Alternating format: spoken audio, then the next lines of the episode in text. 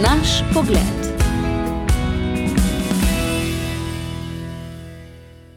Smo v času sezonske selitve narodov, ki v poletnih mesecih močno zaznamuje tudi našo prometno realnost. Včasih med potjo v službi opazujem neskončne kolone vozil, v katerih se ljudje iz celotne Evrope skozi slovenski prometni lijak pretakajo nekam tja na jug, oddihu in poletnim sanjam naproti. In ko se tako, stoječ v koloni, čudim obsegu te migracije ter poskušam doumeti, kaj vse poganja in na kaj vse vpliva ta sezonski pojav, si v igri kratkočasja poskušam včasih predstavljati, kakšna so, seveda, namišljena življenja in zgodbe mimoidočih. Mimo se pelje tako starejši par v avtodomu, ki delček udobja na počitnice pelje kar s seboj in na račun katerega bo njun dopust nekoliko manj odvisen od ponudbe ter cen gostiteljev. Sledi ima črn Volvo z nizozemsko registracijo, v katerem se pelje par sredi 30-ih, ona na telefonu, on pa utrujeno zrev kolono pred njim, po količini prtljage sodeč pa ju nekje južneje čaka all-inclusive nastanitev. V pisani koloni je tu še mlajši, verjetno študentski par, v starejšem, šekastem in ponekod malo rjastem starem Volkswagen kombiju, ki za svojo dopustniško srečo ne potrebuje luksuza.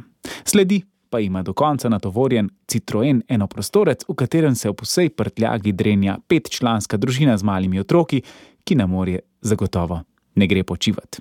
Počitnice na morju z majhnimi otroki so namreč marsikaj. Dogodivščina, izziv, poligon, plavalni tečaj ali privajanje na novo okolje, vsekakor pa ne počitek. Vse te raznolike zgodbe si delijo cesto in si bodo mogoče nekje nižje delile tudi sedež na trajektu, košček prenatrpane plaže ali skupaj čakale v vrsti pred sladoledom. A ljudje nismo le različnih narodnosti in ne govorimo le različnih jezikov. Delijo nas tudi obdobje življenja, v katerem smo, naša pričakovanja, mogoče težave, skrbi. In vse to nosimo seboj v večji ali manjši meri, kamor pač gremo. In prav ti nahrbniki so verjetno povod za katerega od nesporazumov in prepirov, katerim smo lahko tudi na dopustu priča. Opisal bom dogodek z majhnega koščka Hrvaške obale, ki ima kljub skoraj komičnemu poteku nekaj grenkega v sebi. Z družino že več let hodimo v Dalmacijo, dopustovati v hišo, ki stoji v tako imenovani prvi liniji ob morju. Pod teraso je tako le sprehajalna pot, pod katero je na to do vode še nekaj metrov skalnate obale. Gre za strnjen niz hiš, ki tako povsem zapolnijo to obmorsko linijo. Večinoma so tako lastniki hiš skalnato obalo pod hišami delno zabetonirali ter ustvarili nekakšne ploščadi, ki omogočajo lažji dostop do vode in so hkrati platforma za nastavljanje poletnim sončnim žarkom. In eden izmed teh platojev je služil kot parter in tudi povod za sicer ne tako redek počitniški prizor. Prepir za košček plaže. Bil je običajen poletni dan, ko se je na prostoru pod sosednjo hišo ustavila skupina čeških turistov. Šlo je za dve ali tri družine z nekaj najstniškimi otroki. Na beton so razprostrli svoje brisače in blazine, tisti najbolj neučakani pa so z betonske platforme že skakali v vodo. A nista minili dve minuti, ko jih je z balkona sosednje hiše že ogovorila starejša, visokorasla belolasa gospa iz Bosne in jim v ne najbolj prijaznem tonu obrazložila, da tam ne morejo ostati, ker da je ta del plaže njihov. Prišleki, recimo jim kar Čehi, gospe sprva niso povsem razumeli. A gospa je svojo razlago podkrepila s kretnjami in kričanjem, zato je Čehom verjetno počasi postalo jasno, v katerem grmu tiči ta zajec. Kot je bilo videti, so se odločili, da se ne bodo umikali. Saj plaža je vendar javna in ne del hišnih parcel, oni pa so bili tam prvi. Gospa iz Bosne se je odločila za drugačen pristop.